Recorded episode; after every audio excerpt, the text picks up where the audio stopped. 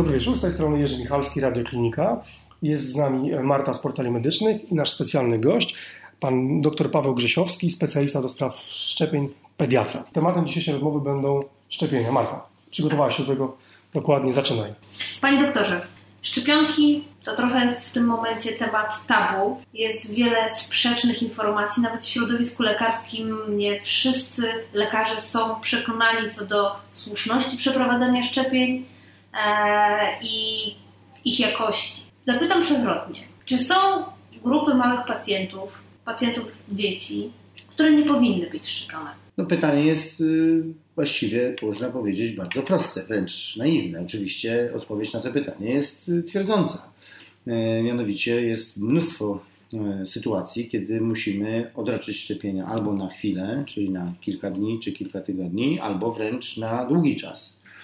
E, gdzieś myślę sobie, że około 10% dzieci w, w corocznej populacji szczepionej, czyli no, łatwo policzyć, jeżeli rodzi się w Polsce około 400 tysięcy dzieci, no to może być to nawet parę tysięcy dzieci, ma okresowe przeciwwskazania do szczepień. Czyli to może być całkiem poważna grupa dzieci, która nie może być szczepiona z jakichś powodów w danym momencie.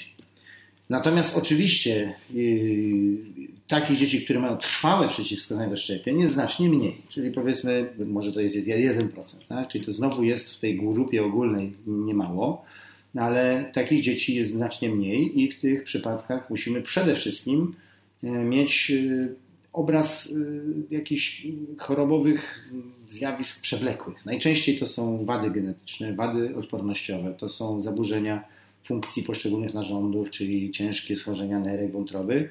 W takich sytuacjach, dopóki nie nastąpi jakiś stan remisji, czy, czy uspokojenia tej choroby podstawowej, yy, zwykle odraczamy szczepienia. To pytanie było o, o, o tyle przewrotne, że jeśli zdefiniujemy sobie grupę dzieci, które nie powinny się szczepić z różnych powodów, to mamy grupę która się powinna szczepić. Tak? I z tego, co Pan który mówi, to 99% y, dzieciaków powinno się szczepić. Tak? To, to, to rozumiem, że o to, o to Ci chodziło. To znaczy, żeby może dokładnie, precyzyjnie odpowiedzieć na pytanie, 99% dzieci może się szczepić. 1% nie może się szczepić ze przyczyn, z przyczyn medycznych. Jasne, jasne. Około 10% ma okresowe przeciwwskazania, ale to też nie jest tak, że one nie mogą się szczepić, bo minie dany mhm. dzień, minie dana choroba, jakiś tam ostry stan zostanie wyjaśniony, albo dziecko przejdzie jakąś tam diagnostykę i będzie mogło być szczepione. Czyli w sumie około 99% dzieci w Polsce rodzących się co roku może być poddawanych szczepieniom. Tyle tylko, że z pewnymi ograniczeniami to 10%. A to są ograniczenia czasowe, natomiast tak. takich, ja jestem ojcem synka, który właśnie ze względów medycznych nie mógł być szczepiony, jest po ciężkich operacjach związanych z operacją, to operowanie serca i, i właśnie w tym jednym procencie się znajdujemy. Natomiast starszy syn to, był, to, to, to jest dziecko, które w tych 99% się znajduje. Panie doktorze, jak w takim razie szczepić tą, tą populację 10% małych pacjentów, które, którzy okresowo no, nie powinni tych szczepionek e, przyjmować? Jak te dzieci konsultować? Czy może to takich, takich konsultacji dokonać lekarz podstawowej opieki zdrowotnej, lekarz pediatra pracujący w przychodni rejonowej? Pytanie jest trudne, dlatego że z jednej strony powinienem odpowiedzieć oczywiście tak. Powinni ci pacjenci przechodzić przede wszystkim najpierw filtr u lekarza rodzinnego, u pediatry rodzinnego, a dopiero potem, ewentualnie, kiedy on sobie nie radzi, szukać porady u specjalisty. Tak być powinno, ale z drugiej strony mamy całą sporą grupę lekarzy rodzinnych, którzy nie mają zbyt dużego doświadczenia w szczepieniach, i ci zdecydowanie częściej przesyłają takie dzieci do konsultacji do specjalisty, choćby do, do nas, do przychodni właśnie szczepień z grup ryzyka, ale też i do e, innych punktów. Właściwie w każdym większym mieście, e, znaczy wojewódzkim mieście jest przychodnia taka konsultacyjna i tych dzieci e, pojawia się tam sporo. Pytanie jest moim zdaniem przede wszystkim o to, jakie doświadczenie ma lekarz w szczepieniach. Jeżeli to jest lekarz rodzinny, który głównie szczepi zdrowe, małe dzieci, to jego zasób doświadczeń, nie tylko wiedzy, ale wszystkim doświadczeń, dotyczy absolutnie zdrowych, najczęściej dzieci, które przystępują do tak zwanych szczepień kalendarzowych, czyli błonica, tenże, skrztusiec, polio, hip, prawda, żółtaczka i nic się nie dzieje. Natomiast coraz więcej mamy takich dzieci z pogranicza, gdzie powiedzmy na przykład dziecko ma bardzo silną alergię, lekarz to wychwytuje i to jest pytanie, czy mogę spokojnie zaszczepić dziecko z alergią, taką nasiloną, na przykład szczepionką różyczka dla świnka. Takie dziecko przed chwilą opuściło nasz gabinet. I y, zalecenie jest następujące, prawda? Takie dziecko musi mieć określony schemat postępowania, ale może być zaszczepione. Nie jest to y, alergia nawet na jajko kurze, gdzie jest składnik szczepionki. Jednym mhm. ze składników y, przy produkcji szczepionki jest, jest właśnie białko jakurzego. Nawet w takich sytuacjach, gdzie jest uczulenie masywny, można szczepić, tylko trzeba zastosować odpowiednią procedurę. To samo dotyczy dzieci, które miały na przykład jakieś zdarzenie niepożądane po szczepieniu. To inny pacjent, który tu przed chwilą był, który miał po jakimś szczepieniu nadmierny odczyn, e, tak przynajmniej według rodziców, czyli długo był niespokojny po szczepieniu, płakał głośno, w taki sposób trochę nietypowy. I to już jest powód do tego, żebyśmy się zastanowili, czy to dziecko może dostać kolejną dawkę tej samej szczepionki, bo skoro reakcja była nieprawidłowa na jedną dawkę, to być może po kolejnej dawce tej samej szczepionki ta reakcja może być e, podobna lub bardziej nasilona. Wtedy oczywiście również mamy oddzielne postępowanie na taką sytuację i takie dziecko dobrze trafia do poradni przy, mm, przy y, naszej tutaj tej konsultacyjnej, tak, ale ja jestem w stanie skonsultować takie dziecko i odesłać je do lekarza rodzinnego z tąże konsultacją z opisem postępowania, jak on powinien szczepić, żeby wszystko było dobrze. Ja, ja muszę zapytać, bo pan doktor o tym napomknął. Dlaczego tak wiele ludzi, obserwuje się, że coraz większa grupa osób po prostu boi się szczepić dzieci? Ja, ja domyślam, że to, to jest irracjonalne, ale jak jest pańskie, jaka jest Pańska opinia na ten temat? No, moje, moje, moja odpowiedź na to pytanie może być trochę przewrotna. Czy gdyby Pan słyszał codziennie, albo przynajmniej co drugi dzień, a w internecie na bardzo wielu e, portalach, forach by Pan słyszał, że w Pana dzielnicy mordują. Co by Pan zrobił? Czy Pan by się e, po jakimś czasie... No właśnie. Po jakimś czasie by zaczął Pan się zastanawiać, czy jest bezpiecznie wychodzić po zmroku, prawda? Y, myślałby pan, że to są oczywiście wszystko bzdury, nikt nie widział żadnego morderstwa i tak dalej, ale zasiane ziarno niepokoju Rośnie niestety kiełkuje. I tak jest właśnie ze szczepieniami. Jest bardzo wiele negatywnych informacji na temat szczepień. Media otwarte w tym królują, czyli internet propaguje no, mnóstwo informacji mhm. nieprawdziwych, nierzetelnych, zmanipulowanych. A to nakręca strach. Po to robimy tą audycję, żeby rzetelne informacje się przebijały. Bo... No właśnie, ale, ale, ale mhm. proszę zwrócić uwagę, jeżeli pan wejdzie na powiedzmy do, do, do znanej przeszukiwarki tak, internetu i wpisze pan tam szczepienia, na pierwszych 10 numerów wypadnie panu 8 stron antyszczepionkowych. Czyli tych, które najczęściej podają negatywne informacje, manipulowane informacje, ale pan raz w to wejdzie, to potem przy każdym kolejnym wyszukiwaniu hasła szczepionki to będzie na pierwszym miejscu. Jasne. Tak działa wyszukiwarka. A więc będzie wrażenie, że jest tak dużo zła niesionego przez szczepionki, że coś w tym musi być. No i wtedy zaczyna się to myślenie lękowe. A jeśli rzeczywiście tym coś jest, że jest coś w szczepieniach, co powoduje, nie wiem, y, autyzm, Auto, chorobę, tak, tak. prawda, mhm. wściekłych krów czy inne straszne rzeczy, o które oskarżano szczepionki, no to dlaczego ja mam być tym, który swoje dziecko wystawia na takie ryzyko? No więc oczywiście nie szczepię. Ewentualnie, moim zdaniem zdecydowanie lepsze rozwiązanie, przychodzę do lekarza, który się na tym zna i dopytuje szczegółowo, co jest prawdą, co jest oszustwem. Czyli generalnie tak naprawdę szczepienia to jest trochę statystyka, no bo trzeba wiedzieć, bo oczywiście powikłania mogą być, tak? My nie mówimy, że, że to się nie może zdarzyć, tylko jak rozumiem, liczba tych powikłań jest zdecydowanie mniejsza niż yy, ryzyko niezaszczepienia. Czy proszę poprawić, jeżeli się gdzieś zagalopowałem. Tak, ja nawet sobie przygotowałem taką ulotkę, mhm. szeleszcze, bo tu jest yy, dokładnie wyraźnie napisane, jakie mogą być możliwe działania niepożądane po podaniu jednej ze szczepionek. Proszę posłuchać, tak? Mhm. Często, czyli w jednym przypadku na 10 dawek, czyli jedno dziecko na 10 może mieć Utrata apetytu, rozdrażnienie, nietypowy płacz, niepokój, senność, ból, zaczerwienienie, zlokalizowany obrzęk do 5 cm w miejscu podania, gorączkę powyżej 38 stopni. Wystarczy to przeczytać, żeby się na przykład nie niepokoić tym, że mhm. dziecko w dobę po szczepieniu zaczyna gorączkować, bo jest to przewidywalny odczyn na podanie szczepionki. Pamiętajmy, że szczepionka to jest taka mini choroba.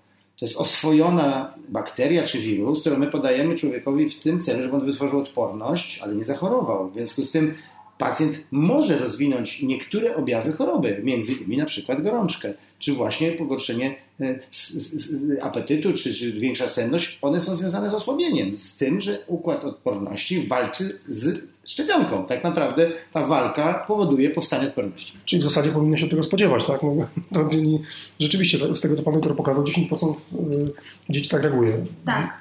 W takim razie ogromna rola lekarzy podstawowej opieki zdrowotnej w edukacji, tak? Jaka jest, jak Pan ocenia, świadomość e, lekarzy POZ-u tak zwanego w zakresie szczepień. I Rozumiem skrót może. POZ, podstawowa opieka zdrowotna, tak? Mhm. I jak, jak często zdarzają się pacjenci u Pana w gabinecie odsyłani od właśnie lekarzy pierwszego kontaktu? Ja powiem brutalnie. Ostatnio miałem szkolenie dla lekarzy rodzinnych i zadałem jedno proste pytanie. Ile trwa wizyta szczepionkowa przeciętnie? Odpowiedź była 4 minuty. Jeżeli w 4 minuty mamy załatwić całą poradę szczepionkową, szczególnie pierwszą, to nie ma takiej możliwości, żeby poruszyć tematy, które rodziców interesują. Po prostu nie ma fizycznie. Na moje pytanie, dlaczego te wizyty tak krótko trwają, usłyszałem prostą odpowiedź. NFZ nas zmusza do takiej pracy, pracodawca nas zmusza do takiej pracy, ponieważ wyznacza dosyć częste, znaczy jest dużo pacjentów na bardzo małą jednostkę czasu i okazuje się, że na przykład szczepienia w ciągu dnia, które są realizowane od godziny 9 do godziny 13, czyli w ciągu 4 godzin przyjmujemy 40 dzieci na szczepienia. To jest niemożliwe, żeby w tym mhm. czasie zrobić cokolwiek. Oczywiście, jeśli to jest kolejna, trzecia, czwarta dawka szczepionki, już to badanie może być krótsze, już może być wywiad krótszy, ale jeżeli to jest pierwsza wizyta szczepionkowa, ona nie może trwać krócej niż 20 minut. To się po prostu nie da zrobić. I dlatego myślę, że część rodziców wychodzi z gabinetu z poczuciem taśmy, że ich dziecko zostało położone na taśmę i po prostu nakute i wypisane i następne i następne. Tak szczepieni ludzie będą mieli zawsze deficyt informacji i będą na dodatek jeszcze mieli pretensje, że dziecko potraktowano kompletnie instrumentalnie. Dlatego moim zdaniem lekarz rodzinny musi znaleźć czas na to, żeby porozmawiać z rodzicami. Nawet mieliśmy taki pomysł w Towarzystwie Wakcynologii, żeby wystąpić do NFZ-u o specjalną jakby potraktowanie wizyty szczepionkowej, żeby tam była inna punktacja, bo dzisiaj ta wizyta jest tak samo punktowana, no więc wiadomo, że de facto lekarz na tym traci, no bo zamiast przyjąć pacjenta w 15 minut e, czy, czy, czy, czy w 10 musi ten czas podwoić. Także e, system nie sprzyja informacji o a i lekarze rodzinni nie zawsze są gotowi na odpowiedzi na wszystkie pytania, bo naprawdę czasami odpowiedź na wszystkie, e, również te absurdalne pytania, tak? Czy szczepienia zawierają, nie wiem, chipy, które tam wstrzykują nam jacyś producenci, żebyśmy potem w supermarketach kupowali ich produkty. No takie też są. Więc też trzeba się z tym zmierzyć, prawda? Że na przykład szczepionki są produkowane na płodach, na tkankach płodowych. E, też kompletne nonsensy. Ale tak, tak, ortenci, no to można nieskończoność, prawda? Chociaż właściwie w tej chwili nie ma jej w żadnej polskiej szczepionce, znaczy obecnej w Polsce szczepionce, ale o tej rtęci cały czas ten, ten, ten, ten hałas y, jest. No więc jeżeli próbujemy odpowiedzieć na wszystkie pytania, czasami rzeczywiście taka rozmowa może trwać nawet pół godziny, ale moim zdaniem warto, bo jeżeli raz przekonamy rodziców o tym, że szczepienia są bezpieczne i skuteczne, to już potem będziemy mieli ludzi gotowych do szczepienia. A dodatkowo dochodzi do tego, że rodzice będą przekonywali innych rodziców, oni też tą, ten Oczywiście. oświaty kaganek będą nieśli, a znaczy, problem jest taki, że jeżeli na przykład, no, to jest inny pacjent, który tutaj przed chwilą też był. Mama była bardzo przestraszona tym, że szczepionki zostały kiedyś tam skojarzone z autyzmem. I pyta mnie wprost, panie doktorze, czy szczepionki wywołają autyzm? Więc ja mówię na to, nie, nie udowodniono nigdzie na świecie, zrobiono dziesiątki badań e, klinicznych, które wykluczyły związek autyzmu ze szczepieniami.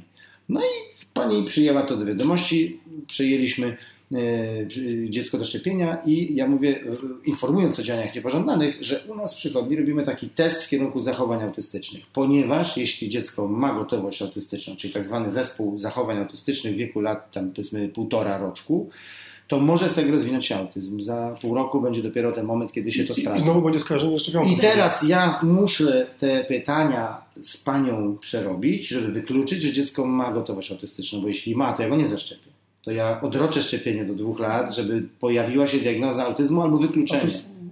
Czyli, czyli działamy tak de facto trochę na szkodę dziecka, ale po to, żeby to, to, to, to jest przykre, prawda? Bo przecież dziecko, nawet jeżeli jest autystyczne, potrzebuje szczepienia. No to... Tak, tylko że mamy takie doświadczenia, że dzieci, które mają zaburzenia formowania się y, połączeń mózgowych, po szczepieniach mogą mieć pogorszenie stanu. To musimy wziąć pod uwagę. Mhm. I co ta mama mówi?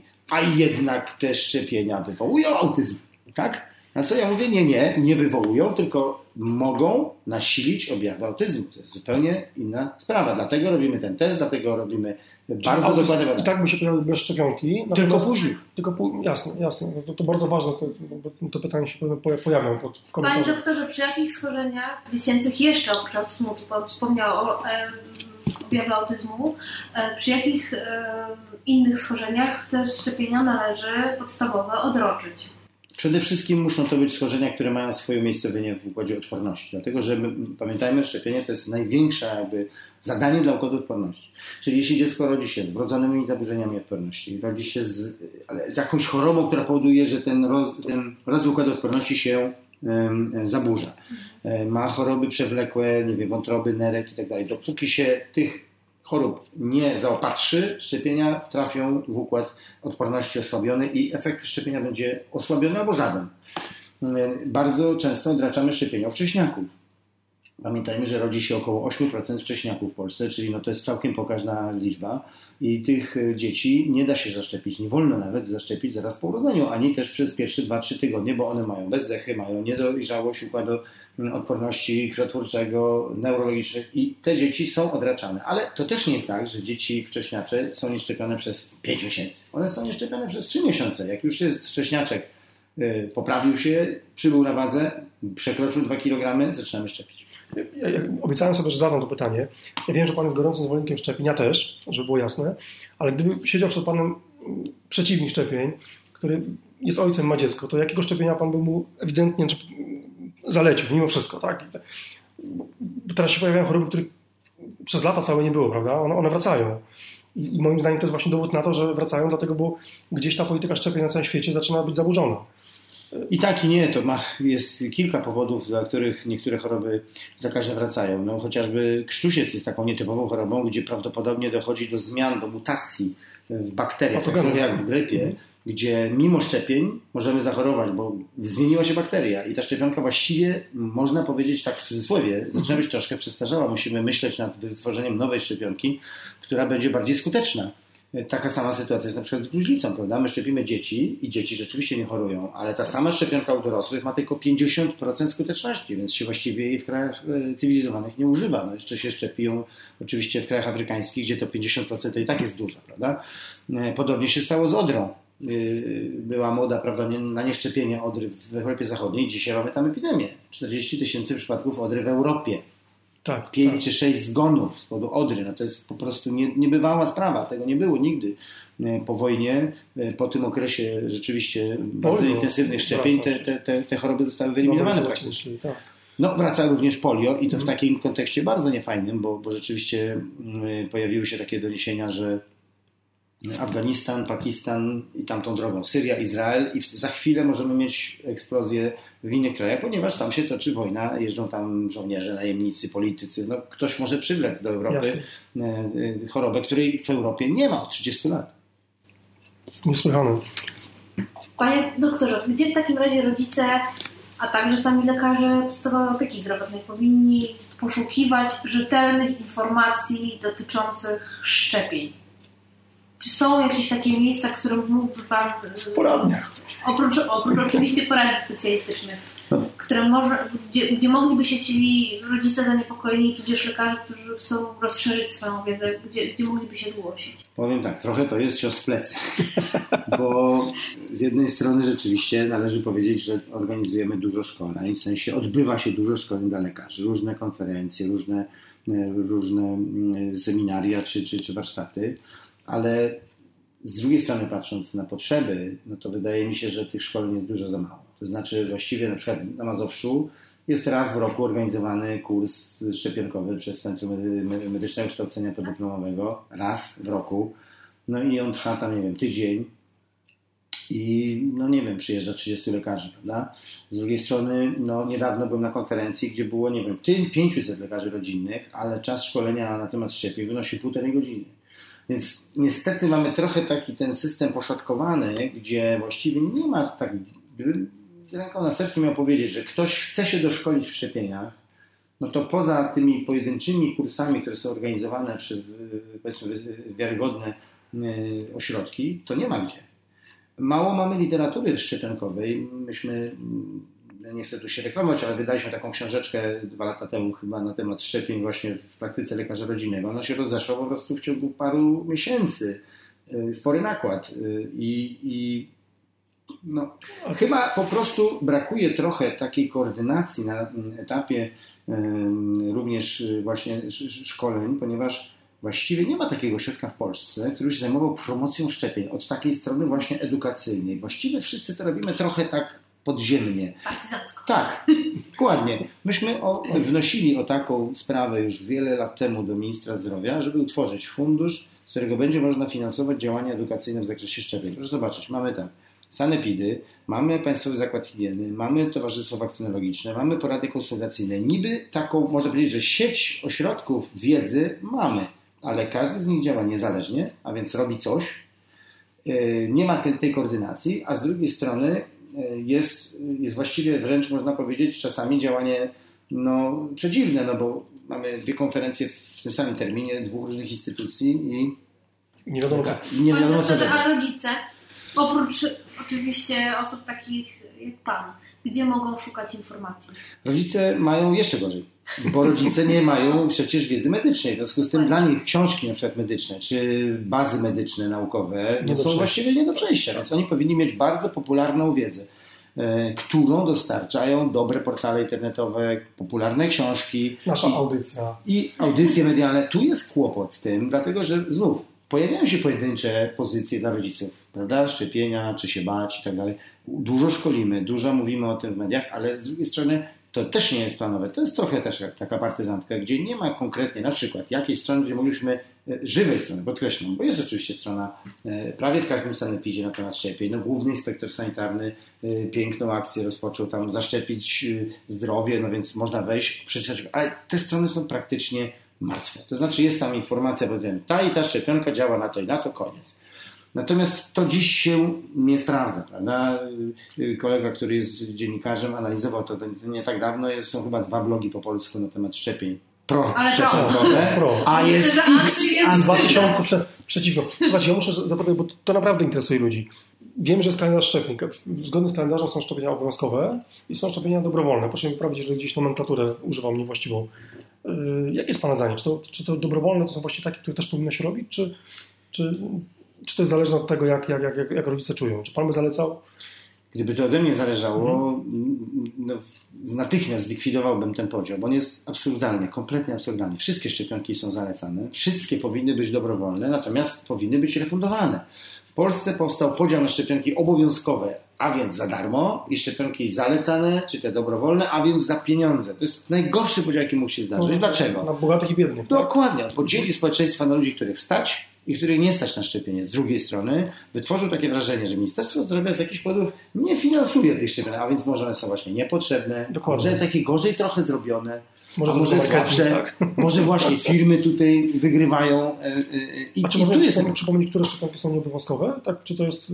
Oczywiście, mamy zalecane tak zwane Mhm. szczepienia, czyli nie odpu- znaczy nierefundowane. To, jest, to są dla części społeczeństwa pneumokoki, meningokoki, e, rotawirusy, ospa wieczna, żółtaczka y, zakaźna typu A, y, kleszczowe zapalenie mózgu, y, meningokoki, a to już mówiłem, i, y, i to chyba wszystko z zapalenie szczepień. borelioza, tak? To jest Znaczy to- nie, nie, kleszczowe, wirusowe zapalenie Okej, mózgu. Mhm. Natomiast oczywiście jest jeszcze cała grupa szczepionek w- dla tak zwanych podróżnych, czyli tam mamy dur brzuszny, mamy tam żółtą febrę, mamy wściekliznę, prawda? Te, szczepionki też są nierefundowane.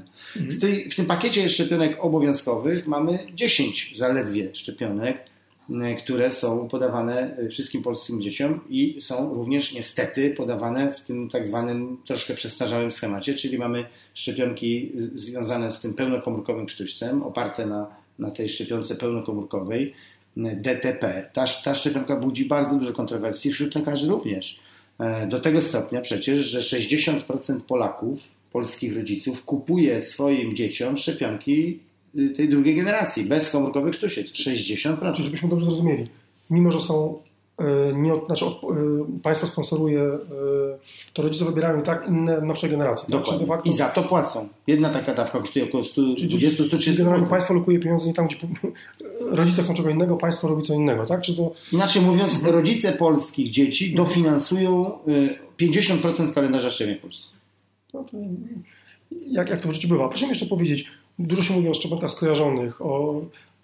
Proszę trochę, rozwiać, mm, znaczy poinformować, o, o, o, co, o co chodzi, tak? Które są Szczepionki skojarzone to znaczy takie, które mają w jednej strzykawce więcej niż y, dwa składniki przeciwko różnym dwóm chorobom. I takich szczepionek używamy wiele, prawda? Mamy szczepionkę skojarzoną trzy w jednym tak zwaną, czyli błonica, tenże sztusiec, pięć w jednym? cztery w jednym, czyli błonica, tenże sztusiec, Mhm. HIB, 5 w jednym, czyli błonica, tężec, krztusiec, polio, hip i wreszcie 6 w jednym, czyli błonica, tężec, krztusiec, hip, polio i żółtaczka typu B. Druga ręka z palcem jest potrzebna. Ale to, czy, czy jedyną zaletą tych szczepionek jest to, że wkuwamy dziecku jeden raz, czy tam jest tych zalet więcej, są jakieś inne? Oczywiście jest więcej zalet, bo y, taka szczepionka będzie zawierała 6 razy mniej konserwantów, będzie zawierała 6 razy mniej substancji dodatkowych, no bo to wszystko się mhm. mieści w pół mililitrze, tak? Czyli mhm. można powiedzieć, że pijemy mocniejszą herbatę, ale mhm. dalej to jest herbata, tyle tylko, że nie zawiera tak dużo tych dodatkowych substancji. Mm, oczywiście nie każde dziecko może wziąć taką szczepionkę 6 w jednym. To powinno być dziecko całkowicie zdrowe, które jeszcze na dodatek no, możemy ocenić, czy ono dobrze, czyli układ odporności zareaguje na sześć e, składników e, podanych jednego dnia. Więc to nie jest też tak, że wszystkie dzieci mamy szczepić sześć w jednym. Mhm. Musimy najpierw ocenić, czy dziecko ale jest w stanie na to zareagować. Jasne, ale jeśli można, to to jest wskazane, dlatego tak. to jest dla dziecka i dla... dla... Znaczy, biorąc pod uwagę, że stres jest bardzo silnym e, czynnikiem osłabiającym odporność, no więc jeżeli ja mam na jednej wizycie dziecko trzy razy ukuć, tak? dwie nóżki, jedna ręka, to dziecko na ogół przy trzecim wkłuciu już jest w takiej histerii, że bardzo ciężko przez następne, nie wiem, godzinę, dwie je uspokoić. Więc ja, biorąc pod uwagę mm, między innymi ten aspekt, zawsze będę zalecał jedno mm, wkłucie. I jeżeli oczywiście dziecko tylko może to wziąć, to dajemy na jednej wizycie jedno wkłucie, nie więcej, bo to dziecko wtedy wychodzi z gabinetu uśmiechnięte, zadowolone, bo ten stres trwał na tyle krótko, że nie spowodował w nim trwałych jakichś jakiś, jakiś, jakiś traumy. Natomiast takie dziecko trzykrotnie ukuta, czasami jeszcze dodatkowa szczepionka wchodzi, cztery wkłucia, no ja bardzo przepraszam, ale dla mnie to jest już niehumanitarne. Do końca życia będzie miało... Panie doktorze, a ja jeszcze zapytam o jedną rzecz. To prawda zaczynamy lato, natomiast y, sezon grypowy we wrześniu myślę, że w październiku zacznie się... Y, jak co roku. Jak co roku, tak. Czy małe dzieci poniżej czwartego roku życia E, czy małym dzieciom powinno się podawać szczepionkę przeciwgripową sezonową? Odpowiedź na to pytanie wymaga minimalnego komentarza. Szczepienia małych dzieci y, mają dwie funkcje. Mają pierwszą funkcję oczywiście indywidualnego zdrowia każdego dziecka, ale druga funkcja to jest zatrzymanie epidemii grypy. Wszyscy wiemy, że epidemia zaczyna się od dzieci. Najpierw dzieci wracają do przedszkoli po wakacjach, zaczyna się wrzesień, buzuje, buzuje, październik, zaczynają się epidemie w przedszkolach infekcji wirusowych, potem dołącza się do tego wirus grypy i zaczynamy epidemię coroczną, bo właśnie z tych kociołków, gdzie się gotują wirusy e, właśnie w przedszkolach, żłobkach i szkołach, potem wirus jest przenoszony na otoczenie, czyli na dorosłych.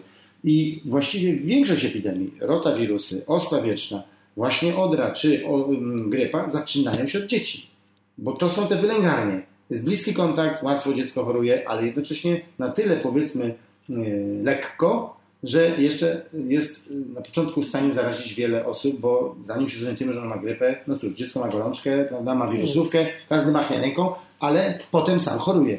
W przedszkolach też często tak bywa, że dzieci się przeprowadza chore, dlatego po prostu rodzice nie mają co z nimi zrobić. Tak na siłę to, to, to wiele przedszkoli z tym walczy.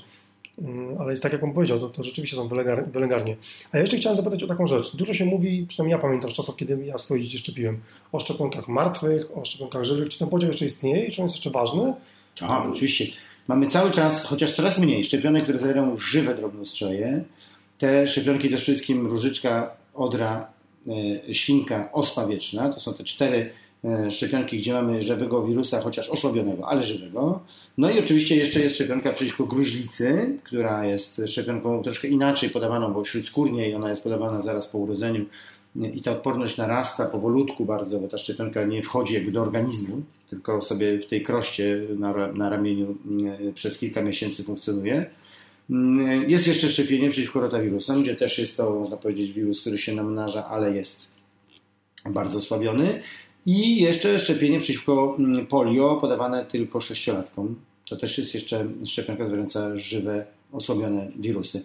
Także tych szczepionek y, o żywych drobnostrzałach jest znacznie mniej niż szczepionek zawierających y, wirusy y, martwe, czy ich fragmenty, czy fragmenty bakterii. Czyli medycyna idzie, znaczy farmakologia idzie w kierunku tych martwych szczepionek bardziej, czy... Zdecydowanie tak, mhm. dlatego że no, no, zawsze jest pewien niepokój, co się stanie z żywym wirusem podanym. Zawsze dłużej troszkę trwa mm, ten okres działań niepożądanych, bo taki wirus, zanim zostanie zabity przez nasz e, układ odporności, około dwóch tygodni żyje. No więc może być gorączka dłuższa, może być sypka, może być jakieś gorsze samopoczucie, dłużej się to utrzymuje. Ale to się dzieje niestety kosztem ilości dawek, dlatego że zwykle szczepionka żywa wymaga podania maksimum dwóch dawek w ciągu życia, a szczepionka martwa od dziecka szczepiona wymaga co najmniej czterech. Nie wiem, czy chciał, ja bym chciał jeszcze zapytać o żółtaczkę, taką specyficzną. Co jeżeli chodzi o szczepienie dzieci na żółtaczkę? Bo różne rzeczy słyszałem. Ale Że mówimy warto- o wirusowym zapaleniu wątroby typu B czy A?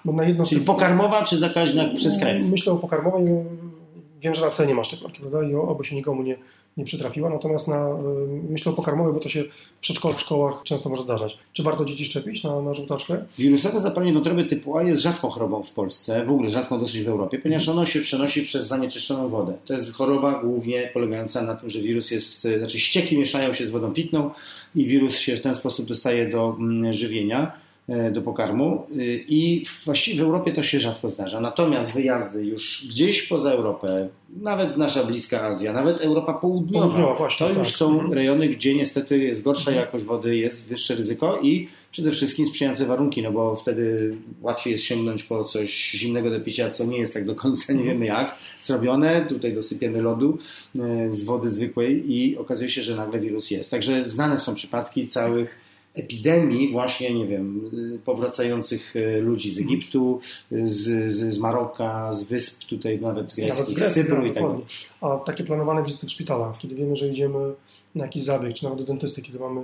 Ale to inna żółtaczka. To, tak, Tak, tak, ta najbardziej. żółtaczka Mhm. typu B, czyli przenoszona drogą krwi, absolutnie w Polsce dzisiaj do 40 roku życia mamy wszystkich zaszczepionych praktycznie, bo pamiętajmy, że od 20 lat szczepiliśmy noworodki i dzieci 10-letnie, czyli dzisiejsze 10-latki, no powiedzmy przesadziłem, 30-latki, 30-kilkulatki są już zaszczepione.